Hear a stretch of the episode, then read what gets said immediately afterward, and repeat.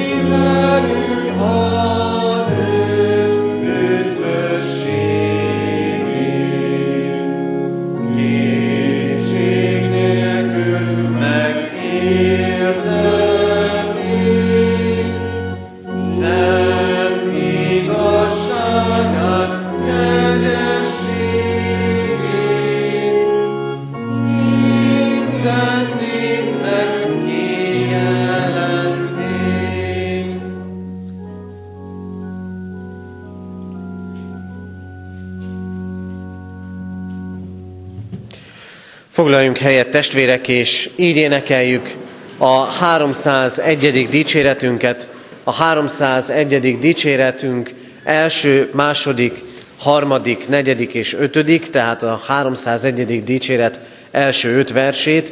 Az első vers így kezdődik, új világosság jelenék. A szokott rendünktől eltérően most azt kérem, hogy a gyermekek most vonuljanak át a gyermekisten tiszteletre, hogy legyen elég idő készülni a karácsonyi szolgálatra.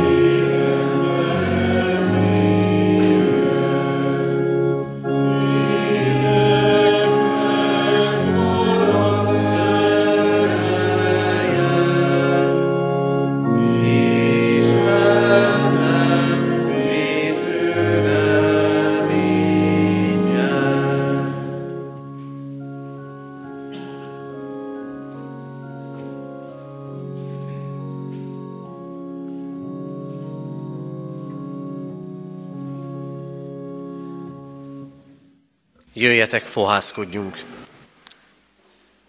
A mi segítségünk, Isten tiszteletünk megáldása és megszentelése az Úr nevében van, aki úgy szerette a világot, hogy egyszülött fiát adta, hogy aki hisz ő benne, el ne vesszen, hanem örök élete legyen. Ámen. Kedves testvérek, hallgassátok meg Isten igét, ahogy szólít minket ezen a vasárnapon, Pálapostolnak a római gyülekezethez írott leveléből, a római levél 5. fejezetének 12. versétől a 21. verséig tartó ige szakaszából. Isten igéjét figyelemmel, helyet foglalva hallgassuk. A római levél 5. részének 12. versétől így szól Isten igéje. Ahogyan tehát egy ember által jött a bűn a világba, és a bűn által a halál, úgy minden emberre átterjedt a halál azáltal, hogy mindenki vétkezett. Mert nem a törvényig is, mert a törvényig is volt bűn a világban, bár a bűn nem róható fel, ha nincs törvény. Mégis uralkodott a halál Ádámtól Mózesig azokon is, akik nem Ádám bűnéhez hasonlóan vétkeztek. Ő pedig előképe az eljövendőnek. De nem igaz az, hogy amilyen a vétek, olyan a kegyelmi ajándék is. Mert ha annak az egynek a bűne miatt sokan haltak meg, még inkább igaz, hogy Isten kegyelme és ajándéka kiáradt az egy ember Jézus Krisztus kegyelme által sokakra. És az sem igaz, hogy a kegyelmi ajándék ugyanolyan, mint az első ember bűnbeesése. Az ítélet ugyanis egyetlen eset folytán vitt a kárhozatba. A kegyelmi ajándék viszont sokak elbukásából visz megigazulásra. Ha pedig az egynek elbukása miatt uralkodhatott a halál egyetlen ember által, akkor még inkább igaz, hogy azok, akik bőségesen kapják a kegyelem és az igazság ajándékát, uralkodni fognak az életben az egy Jézus Krisztus által. Ahogyan tehát egy ember bűne lett minden ember számára kárhozottá, úgy lett egynek az igazsága minden ember számára éltető megigazulássá. Mert ahogyan az egy ember engedetlensége által sokan lettek bűnösökké, úgy az egynek engedelmessége által is sokan lesznek igazakká. Közben pedig eljött a törvény, hogy megnövekedjék a bűn. De ahol megnövekedett a bűn, ott még bőségesebben kiáradt a kegyelem, hogy amiképpen uralkodott a bűn a halálban, úgy uralkodjék a kegyelem is az igazság által, az örök életre, Jézus Krisztus, a mi Urunk által. Ámen. Isten szent lelke tegye áldássá szívünkben az igét, és adja meg nekünk, hogy annak üzenetét meg tudjuk érteni, szívünkbe tudjuk fogadni, és a szerint tudjunk cselekedni. Jöjjetek, imádkozzunk! Urunk Istenünk, egyetlen Isten, Szent Háromság Istenként ismerünk Téged. Áldunk és magasztalunk Téged, mert rajtad kívül nincs más Isten. Nincs más, akinél erő, hatalom, igazság, kegyelem és irgalom lenne, csak Te. És amikor igéd vezeti a mi gondolatainkat, akkor igen, tudjuk, egynek a vétke, Ádámnak a vétke, engedetlensége, ellened való lázadása, minnyájunk életére hatással volt és hatással lesz mindenkire a világ végezetéig. De áldunk téged, hogy nem csak ezt az egy valamikori bűnt látjuk, hanem látjuk az egy, az egyetlen megváltást a te egyszülött fiadban, Jézus Krisztusban. Urunk, ahogy te egy Isten vagy, és ahogy egy ember által jött a bűn a világra, és egyedül Krisztusban van megváltásunk, úgy tudjuk, egyetlen életünk van, egyetlen életünk, te tudod a mi időnknek, a mi esztendeinknek számát, amelyek még előttünk vannak. De ezt az egyetlen életet arra adtad nekünk, hogy hozzád az egyedüli megváltóhoz találhassunk, benned hitre jussunk, és elnyerjük az örök életet. Urunk, köszönjük neked ezt a rajtunk is megvalósuló tervedet. Eléd állunk, Urunk, hálaadásunkkal, amivel megtartottad az életünket, amivel hordoztál minket az elmúlt napokban is. Eléd állunk, Urunk, a magunk védkeivel, hogy téged az egyetlen és igaz Istent nem kerestük teljes szívvel, egyen-egyenként se, és talán egy emberként sem a te gyülekezetedben. Urunk, eléd jövünk a magunk terheivel, szomorúságával, gyászával is. Kérünk fájdalmainkban és nehézségeinkben. Légy a mi életünknek gyógyítója, a mi fájdalmainknak enyhítője. Életünk magasságaiban pedig vezes minket el nem múló hálaadásra és neked szentelt életre. Urunk Istenünk, várjuk a Te szavadat. Várjuk azt, hogy megszólíts, hogy üzeneted megérkezzen hozzánk, és hogy ebben az üzenetben életünket és életünk előbbre lépését, hozzád közeledését élhessük meg. Kérünk ezért, adj nekünk engedelmes szívet, készséget hallani, meghallani és megcselekedni ígédet. Kérünk, Urunk, fogadj minket a Te kegyelmedbe, küld el szent lelkedet, Jézus Krisztusért kérünk. Amen. Isten igényének hallgatására készülve énekeljük a 309. dicséretünknek negyedik verszakát. 309. dicséretünk negyedik verse így kezdődik. Erősítsd bennünk hitünket. thank you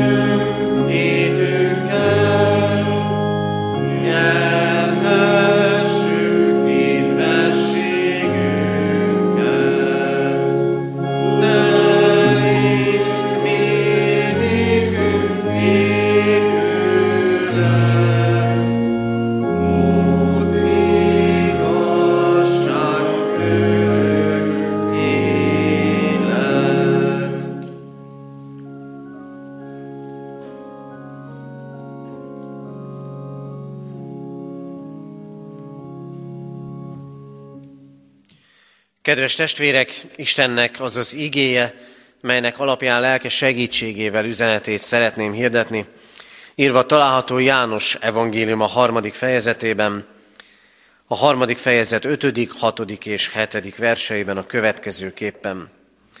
Jézus így felelt, bizony, bizony mondom neked, ha valaki nem születik víztől és lélektől, nem mehet be az Isten országába. Ami testtől született test az, és ami lélektől született lélek az. Ne csodálkozz, hogy ezt mondtam neked. Újonnan kell születnetek. Amen. Eddig Isten írott igéje. Kedves testvérek, advent második vasárnapján az ember már rácsodálkozik arra, hogy mennyire gyorsan telik az idő, a várakozás és a készülődés időszakában vagyunk, és megéljük azt, hogy talán előrébb is kellene tartanunk. Mégis van egy olyan alapbeállítottságunk, hogy egy olyan hajlamunk, hogy az advent időszakát ilyen érzelmes, romantikus formára képzeljük el, amikor régi karácsonyok hangulatát, karácsonyokra való készülődés hangulatát tudjuk felidézni, és átadni azt a családunkban, a gyermekeinknek, az unokáinknak. És ilyenkor advent időszakában az Isten igéje is talán könnyebben érkezik el hozzánk ebből a fajta, ebben a fajta lelki állapotban. Ehhez képest a felolvasott hosszabb ige szakasz, mint hogyha nem derűs dolgokról szólt volna hozzánk a római levélből. Arról beszélt ugyanis, hogy van bűn és van halál. Arról beszélt, hogy vannak testi módon és lelki módon élő emberek, és világossá teszi itt Jézus a János evangélium a harmadik fejezetében is, nem csak, hogy toldozgatni és foltozgatni kellene a dolgainkat, és behozni a lemaradásunkat így évvége fele, hanem egyenesen újjá kell születnünk. Nagyon határozott, nagyon világos útmutatás ez számunkra. A mai napon a KT magyarázatos istentiszteletek sorrendjében a harmadik úrnapi kérdések fognak majd elénk kerülni, amelyek röviden arról beszélnek, amiről a római levél is beszélt és beszél, hogy az ember alapvetően a természetében, a hajlamában, a beállítottságában nem az Istennel, hanem az Isten nélkül él. És úgy kapcsolódik ez mégis advent időszakához, hogy az advent, a várakozás, a készülődés ideje csak is és kizárólag akkor lesz teljessé, és akkor teljesedik ki, hogyha megéli az ember azt a fordulatot az életében, amit az Istenhez találása, az Istenhez való visszatalálása jelent. Amikor kijön abból az állapotból, amit Pálapostól úgy fogalmaz meg, hogy a bűn állapota, és engedi az ember azt, hogy az Isten kegyelme még bőségesebben kiáradjon rá. Advent időszaka tehát nem arról szól, mi lehet az a plusz, amit az Isten hozzáadhat a hangulatainkhoz. Nem arról szól, hogy hogy lehetne megfejelni a mindennapok készülődését. Ami, ha sikerül, jó, hogyha nem, igazából az se baj hanem az advent időszaka és minden olyan időszak, és minden olyan Isten tisztelet, amikor az Isten jön hozzánk, közelít és keres bennünket, az életnek a lényegéről szól, nem a pluszról, amire majd lesz idő meg energiám, ha minden mást helyre tettem az életemben, hanem ez a lényeg. Fordítva ülünk a lovon, és rosszul értjük az advent időszakát, hogyha kevesebbel akarjuk beérni. Az Isten a lényeg felé vezet bennünket. Szükség néktek újonnan születnetek. Az Isten igéje ma világosan beszél az ember Isten nélküli állapotáról, amit a bűn és a halál jellemez. És ez az üzenet nehéz. Nehéz akkor is, amikor az ember találkozik a halállal. Amikor látja az elmúlást. Amikor váratlanul szakad mindez rá. Ahogy megéljük ezen a héten, egyházközségünkben, egyház megyénkben is, esperesünk váratlan, hirtelen halála miatt. És figyelmeztet ez is, és figyelmeztet minden elmúlás bennünket arra, szükség néktek újonnan születnetek. Ebbe a helyzetbe, a bűn és a halál állapotába tör be az Isten kegyelme, és minket újjászülni akaró könyörülete. Szükség néktek újonnan születnetek. És szükség néktek a Szentlélek által újjászületni. Ahhoz azonban, hogy ezt értsük és éljük, mindenek előtt meg kell értenünk azt, hogy a bűn is kiáradhat, és elhatalmasodhat, a világban is, meg rajtunk is, de az Isten kegyelme még inkább kiárad. A bűn is árad, de a kegyelem is árad, és a kérdés az, hogy téged ezek közül mi fog betölteni. A bűn jelenléte a világban tagadhatatlan. Eszembe jutott, készülvén erre a mai szolgálatra, milyen bűnöket hozhatnék fel példának. Valamiért az Egy mondat a zsarnokságról című vers jutott az eszembe, és azon gondolkodtam, hogy annak vissza-visszatérő sorát úgy is lehetne mondani, ahol bűn van, ott bűn van. és nem elmondva a verset, csak egyet-egyet hozzá társítva. Ott bizony, ott bizony bűn van a családban, ott bizony bűn van a mosolyok mögött, ott bizony bűn van a társadalomban, és lehetne hosszasan sorolni. Ahol bűn van, ott bűn van. És igen, sok mindent el tudnánk mondani a társadalmunk helyzetéről, tudnánk beszélni korrupcióról, tudnánk beszélni az értékválságról, az üzleti világról, tudnánk beszélni számtalan igazságtalanságról, aminek talán elszenvedői is vagyunk, tudnánk beszélni családi viszonyokról, talán a magunk családjában is. Tudnánk beszélni arról, hogy hogyan nem működnek, pedig működhetnének emberi kapcsolataink. Tudnánk beszélni arról, hogy mennyire kellene jól nevelni a gyermekeinket, az unokáinkat, és mennyire nem tudjuk, és lehetne hosszasan sorolni a bűnöket. És lehetne sorolni a bűn jelenlétének jeleit az egyházban is, ahol ugyancsak tagadhatatlan mindez, az egyház történetében és jelenében is, amikor eltértek, és amikor eltérünk az Isten kijelentésétől. Amikor nem vesszük komolyan az Isten szavát. Amikor nem vesszük komolyan a magunk életére vonatkozóan. És amikor nem megyünk az evangélium üzenetével az emberek közé. A jelen valósága és a mindennapi valóság az, hogy ha a bűnökről gondolkodunk, akkor azt látjuk, újak és újak jelennek meg, az ember, mi magunk is, végtelenül találékonyak vagyunk ebben. És egyszer, mint tagadjuk is sokszor a bűnt.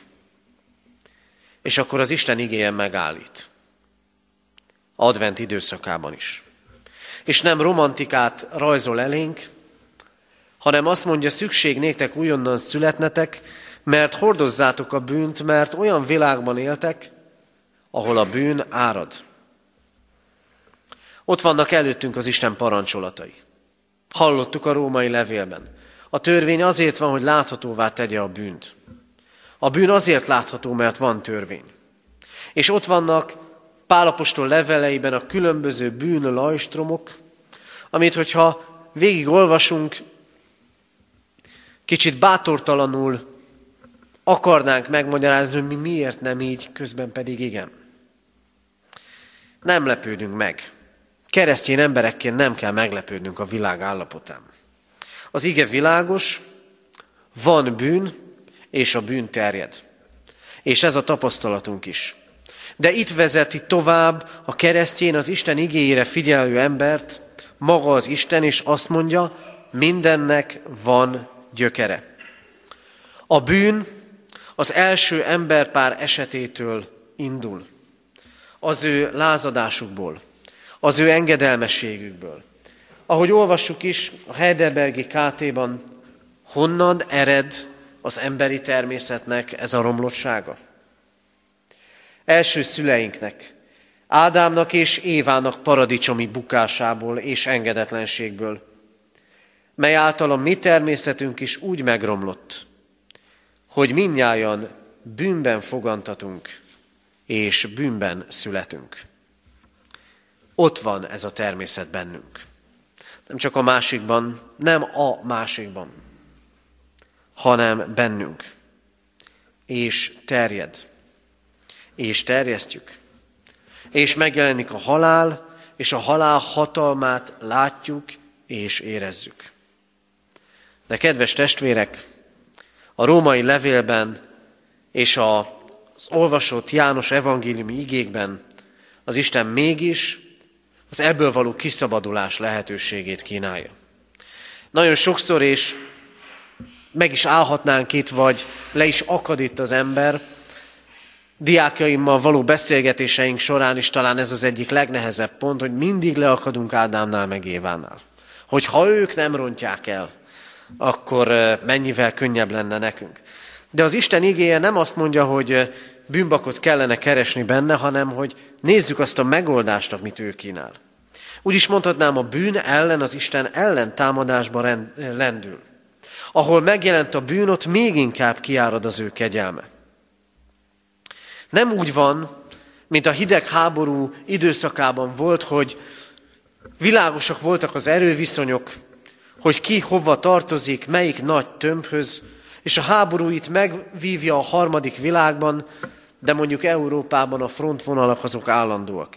Nem úgy van, hogy az Isten azt mondja, azt a területet meghagyom a bűnnek, azt az embert és annak az embernek a bűnét meghagyom és nem bántom, és addig a határig tart az én kegyelmem. Nincs ilyen megállapodás. Nem ilyen hidegháborús helyzet van, hanem az Isten kegyelme ott jelenik meg, ahol jelen van a bűn.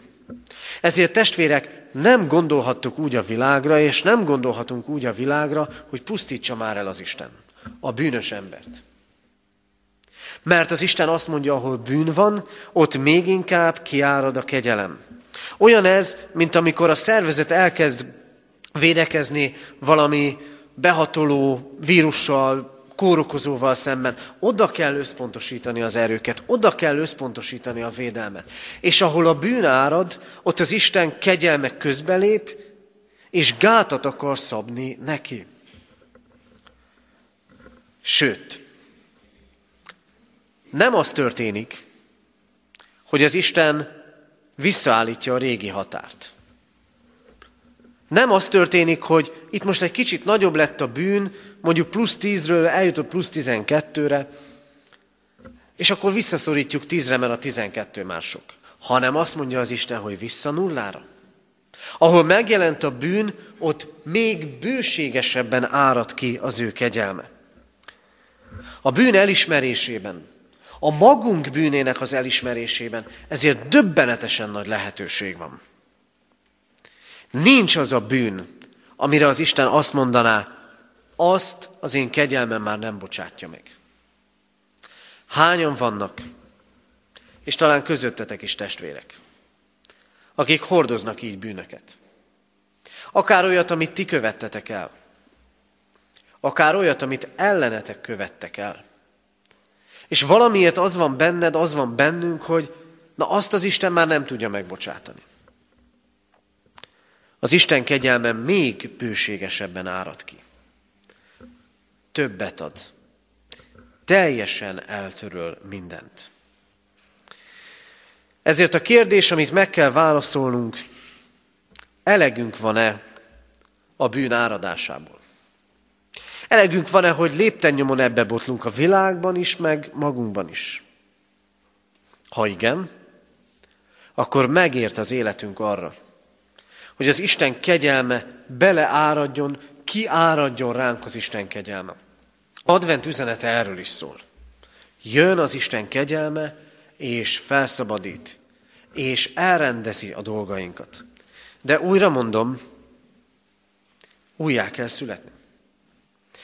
Azt üzeni az ige, az újjászületés szükséges és lehetséges. Testi és lelki emberekről beszél Pál a római levélben. Sőt, itt a János evangéliumában is. Azt mondja, Jézus Krisztus a hozzá térő, érdeklődő embernek, ami testtől született, az test, ami a lélektől született, az meg lélek. Szemben állás van a kettő között.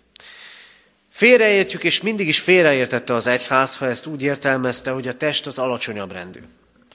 Nem így kell ezt értenünk hanem úgy kell ezt értenünk, hogy a Biblia testnek, illetve testinek nevezi azt, ami csak e világi.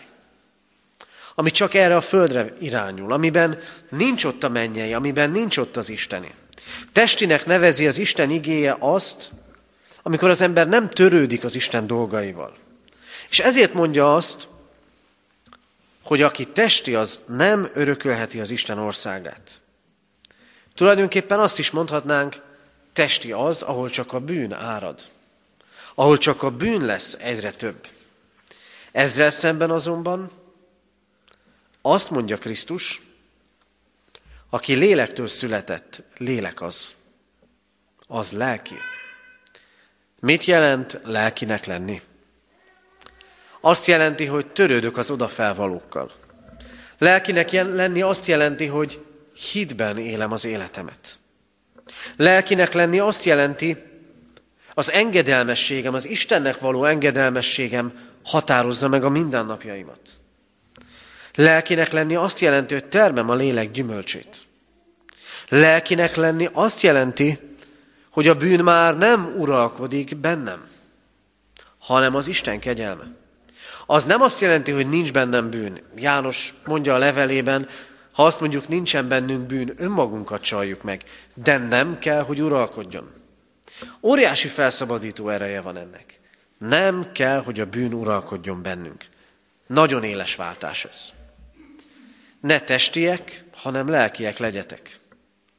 Éles váltás ez, annyira éles váltás, mint amennyire különbözik az élet a haláltól, az elmúlás a születéstől. De Jézus ott, abban a négy szemközti beszélgetésben, ott János evangéliumában konkrétan beszél. Szükség néktek újonnan születnetek.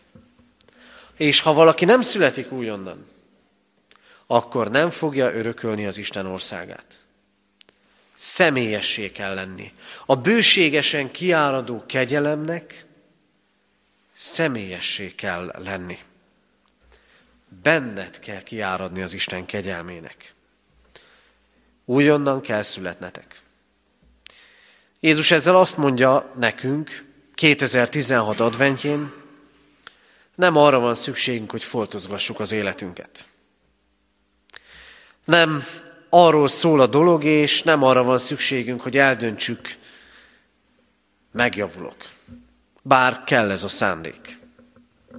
És nem is arról szól advent időszaka, hogy az életünk hiányait, réseit, repedéseit, azokat kérjük, hogy az Isten töltse meg. Pótolja ki a hiányokat. Kötözgesse be a sebeinket. Igen, ezeket is kérhetjük. De azt mondja, vigyázz, mert a bűn az belülről alakít. De én is belülről akarlak téged alakítani. Én nem foltozgatni akarlak, nem felületi kezeléseket tenni az életeden, hanem azt akarom, hogy újjá szüles. Egészen újjá szülessél. Hogy az életed gyökereiben változzon meg. Hogy ne az az örökletes természet és rosszra való hajlam határozzon meg minket, hanem az Isten lelke. Hogy olvassuk? Ha annyira megromlottunk, hogy egyáltalán képtelenek vagyunk valami jónak a cselekvésére, mindenre, minden gonoszra pedig hajlandók, akkor mit tehetünk? Nem tehetünk semmit. Ha csak a Szentlélek újjá nem szül bennünket. Lélektől kell születnünk és lélektől lehet újjászületnünk. Mert a Szentlélek itt van közöttünk. Munkál és cselekszik. És Jézus azt mondja, ha ti tudtok a ti gyermekeiteknek jó ajándékot adni, erre, erről szól ez a néhány hét is, jó ajándék, akkor mennyivel inkább ad mennyei atyátok szent lelket azoknak, akik kérik tőle. Szükség néktek és lehet nektek újjászületni. Lehet testi emberből lelki emberré válni. És végezetül egyetlen egy kérdés maradt, milyen az újjászületett ember? Milyen jelei vannak, ha újjászületett ember vagyok? Akkor lelki ember vagyok. Akkor nem uralkodik bennem a bűn. Ha újjászületett ember vagyok, akkor az Isten elkezd formálni szépen belülről. És elkezdek növekedni. Ahogy jó látni egy gyermeknek a növekedését. Akkor jó, ha a születés után van növekedés. Látjuk-e a lelki növekedés jeleit az életünkön? Mert az Isten formálni akar. Az Istennek mondhatjuk, van egy ideális elképzelése arról, hogy milyen, milyenek legyünk mi emberek. Istenképűek. Az mondja ezzel számunkra az Úristen, hogy nem az az eredeti, amit látsz önmagadon, meg látsz a világban, hogy milyenek az emberek. Nem ez az én tervem. Az én tervem az ennél régebbi, mert én jónak és a saját képemre hasonlatossá teremtettem az embert. jónak és a saját hasonlatosságomra. Hát Isten az embert gonosztá és romlottá teremtette? Nem. Sőt, inkább Isten az embert jóvá és a maga hasonlatosságára, azaz valóságos igazságban és szentségben teremtette azért, hogy teremtő Istenét igazán megismerje, szívből szeresse, és vele örökké tartó boldogságba élve őt dicsérje és magasztalja. Milyen az újjászületett élet? Három ismérve van. Aki újjászületett, az ismeri az Istent. Ez az első. Nem csak tudok róla, hanem ismerem őt.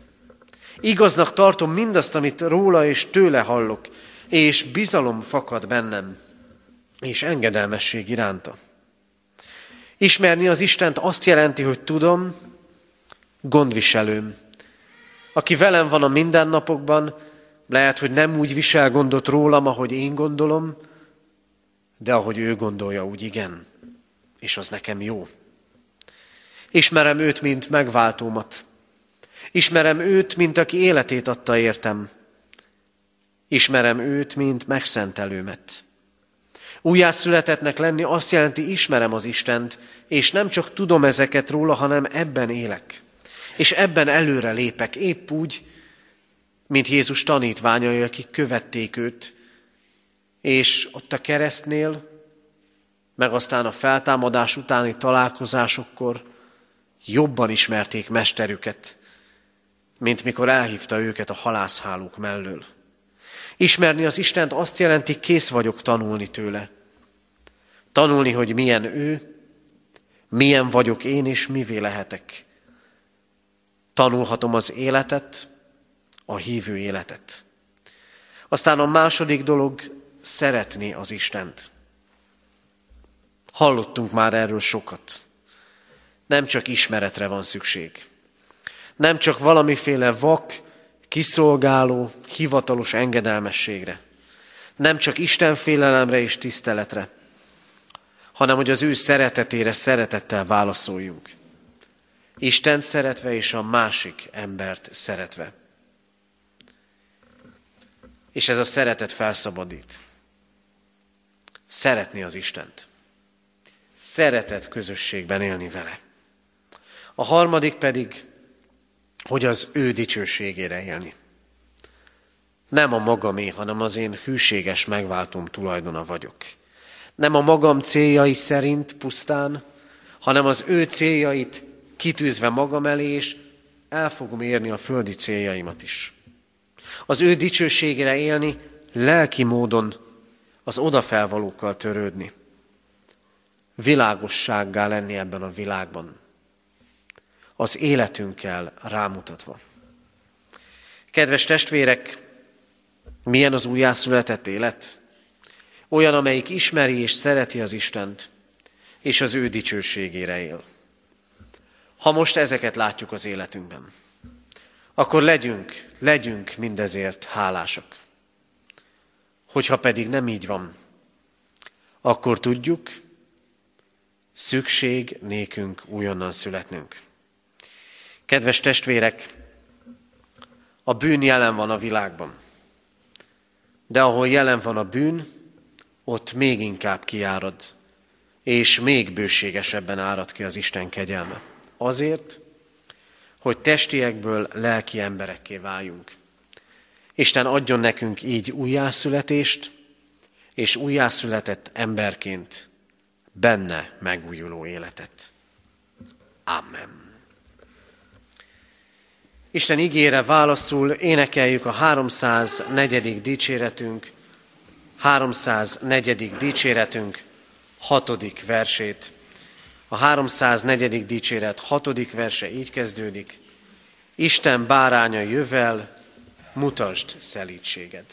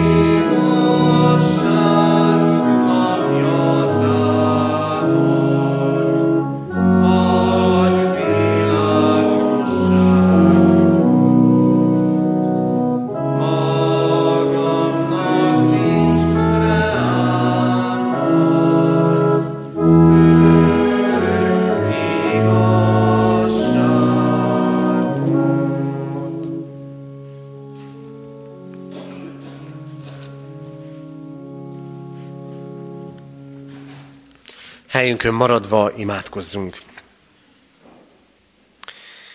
Mindenható Úrunk Istenünk, áldunk Téged azért, mert Te az embert jónak, tökéletesnek, igaznak és bűntelennek teremtetted, egyszer, mint megajándékoztad a szabad akarattal, hogy elfogadhatja a Te útmutatásodat, de dönthet másként is. Urunk, mi magunk is ebben a helyzetben vagyunk, de már nem az édenkertből, nem a jóság állapotából indulunk, hiszen ismerjük a mi természetünket, amelyben ott van a hajlam, a nyitottság, a rosszra, a lázadásra, az engedetlenségre, a szeretetlenségre. Urunk, látjuk, és sokszor meg is állapítjuk, hogy mennyi rendetlenség, erkölcstelenség, bűn van ebben a világban, azt látjuk, hogy mintha egyre több és több lenne. De köszönjük, hogy nekünk nem ebbe kell belevesznünk, hanem mi a te követőidként benne élhetünk a te bőségesen kiáradó kegyelmedbe, amely mindent le tud győzni amely éppen ott és úgy jelenik meg és árad ki, ahol, ahol bűn és engedetlenség van. Ezért könyörgünk, Urunk, önmagunkért, hogy ne uralkodjék bennünk a bűn, hanem uralkodjék bennünk a Te kegyelmed. És hadd tudjuk azt továbbadni ebben a világban, amiben élünk. Imádkozunk hozzád, mindenható Úrunk, Istenünk, hogy tégy készé arra, hogy neked éljünk a te dicsőségedre, lelki életet, igazán ismerve és szeretve téged. Így várunk, Urunk, a Te bennünket, lelkünket megújító, újjászülő kegyelmedre. Kérünk, cseleked meg ezt a változást az életünkben, és erősíts meg minket ezen az úton. Istenünk, Imádkozunk így advent idejért, a magunk, a családjaink, a gyülekezetünk adventjéért, a világ adventjéért. Imádkozunk hozzád, Urunk, a terheket hordozókért, a betegekért, a gyászolókért, akik az elmúlt héten álltak meg a ravatal mellett, és akik most készülnek búcsúzni elhunyt szerettüktől. Így könyörgünk most, Urunk, különösképpen is egyházmegyénk elhunyt esperesének családjáért. Ad nekik békességedet és vigasztaló szeretetedet.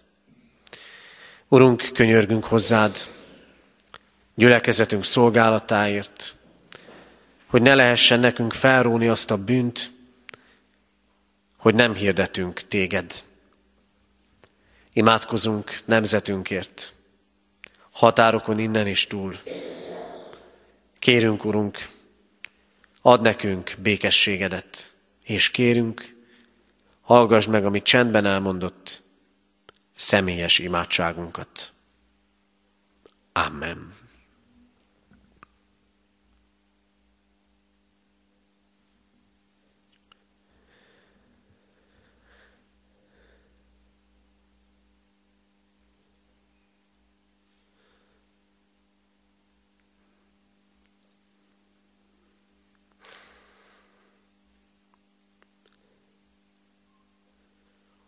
Legyen áldott a Te neved, Urunk, mert imádságaink előtted vannak. Amen. Fennállva imádkozzunk, ahogy a mi Úrunk Jézus Krisztus tanított bennünket. Mi, Atyánk, aki a mennyekben vagy, szenteltessék meg a Te neved. Jöjjön el a Te országod, legyen meg a Te akaratod, amint a mennyben, úgy a földön is. Mindennapi kenyerünket add meg nékünk ma, és bocsáss meg védkeinket, miképpen mi is megbocsátunk az ellenünk védkezőknek. És ne vigy minket kísértésbe, de szabadíts meg a gonosztól, mert tiéd az ország, a hatalom és a dicsőség mindörökké. Amen. Hirdetem az adakozás lehetőségét, mint Isten tiszteletünk hálaadó részét. Mindezek után Istennek népe áldjon meg téged az Úr, és őrizzen meg téged. Világosítsa meg az Úr az ő arcát rajtad, és könyörüljön rajtad. Fordítsa az Úr az ő arcát reád, és adjon néked békességet. Amen. Foglaljunk helyet, testvérek, és a hirdetéseket hallgassuk meg. Hirdetjük, hogy ma még 11 órakor és délután 5 órakor tartunk istentiszteletet Kecskeméten a templomban. Heti alkalmainkat hirdetem, hétfőn délután 5 órára a kézi munkakörbe várjuk a nőtestvéreket. Új időpontban van ez az alkalom, tehát a korábbi csütörtökhöz képest hétfőnként 5 órától találkozhatunk itt a gyülekezeti teremben. Kedden délután 5 órakor tartunk bibliaórát, ugyancsak gyülekezeti termünkben. Szombaton a szokott rend szerint, rend, rendünktől eltérően a délután 5 órakor a templomban, Kecskeméten tartandó istentiszteletet nem tartjuk meg.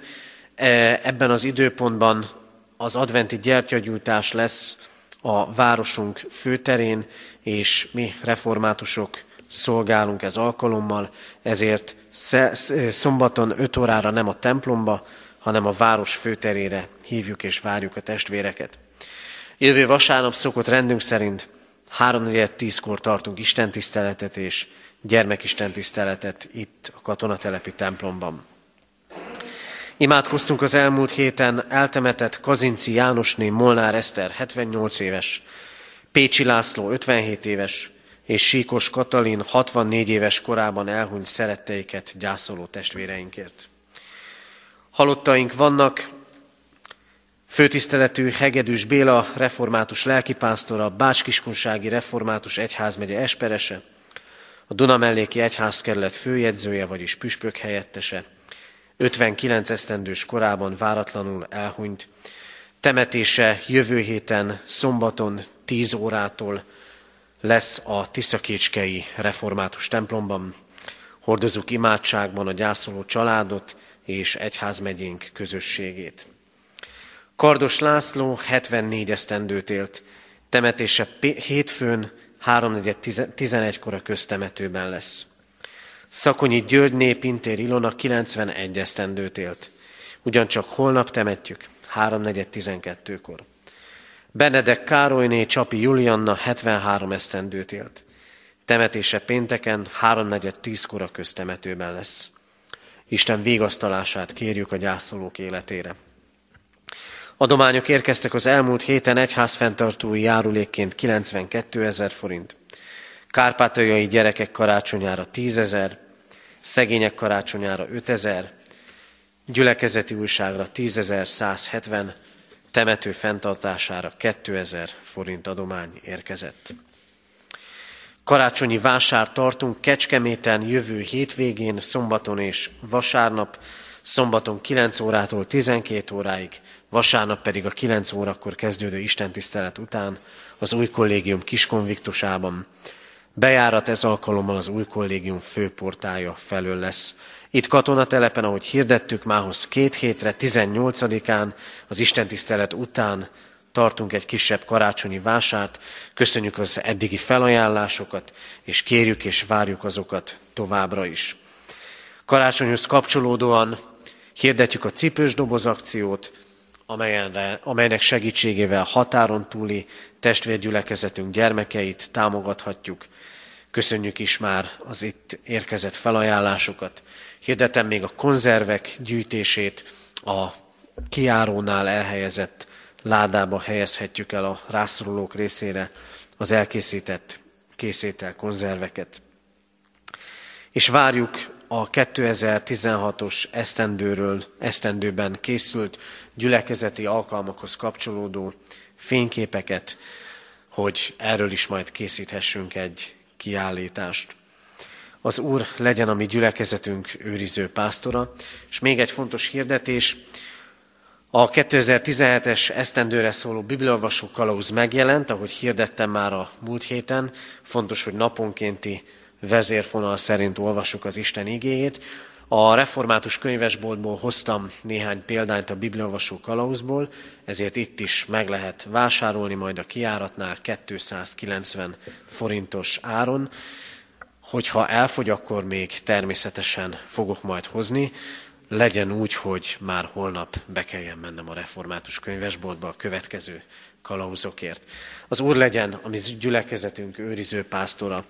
Záró énekünket énekeljük, utána pedig majd közösen mondjuk záró imádságunkat. Záró énekünk a 301. dicséret 6., 7. és 8. verse. 301. dicséretünk 6., 7., 8. verseit énekeljük. Kérünk, Úristen, tégedet!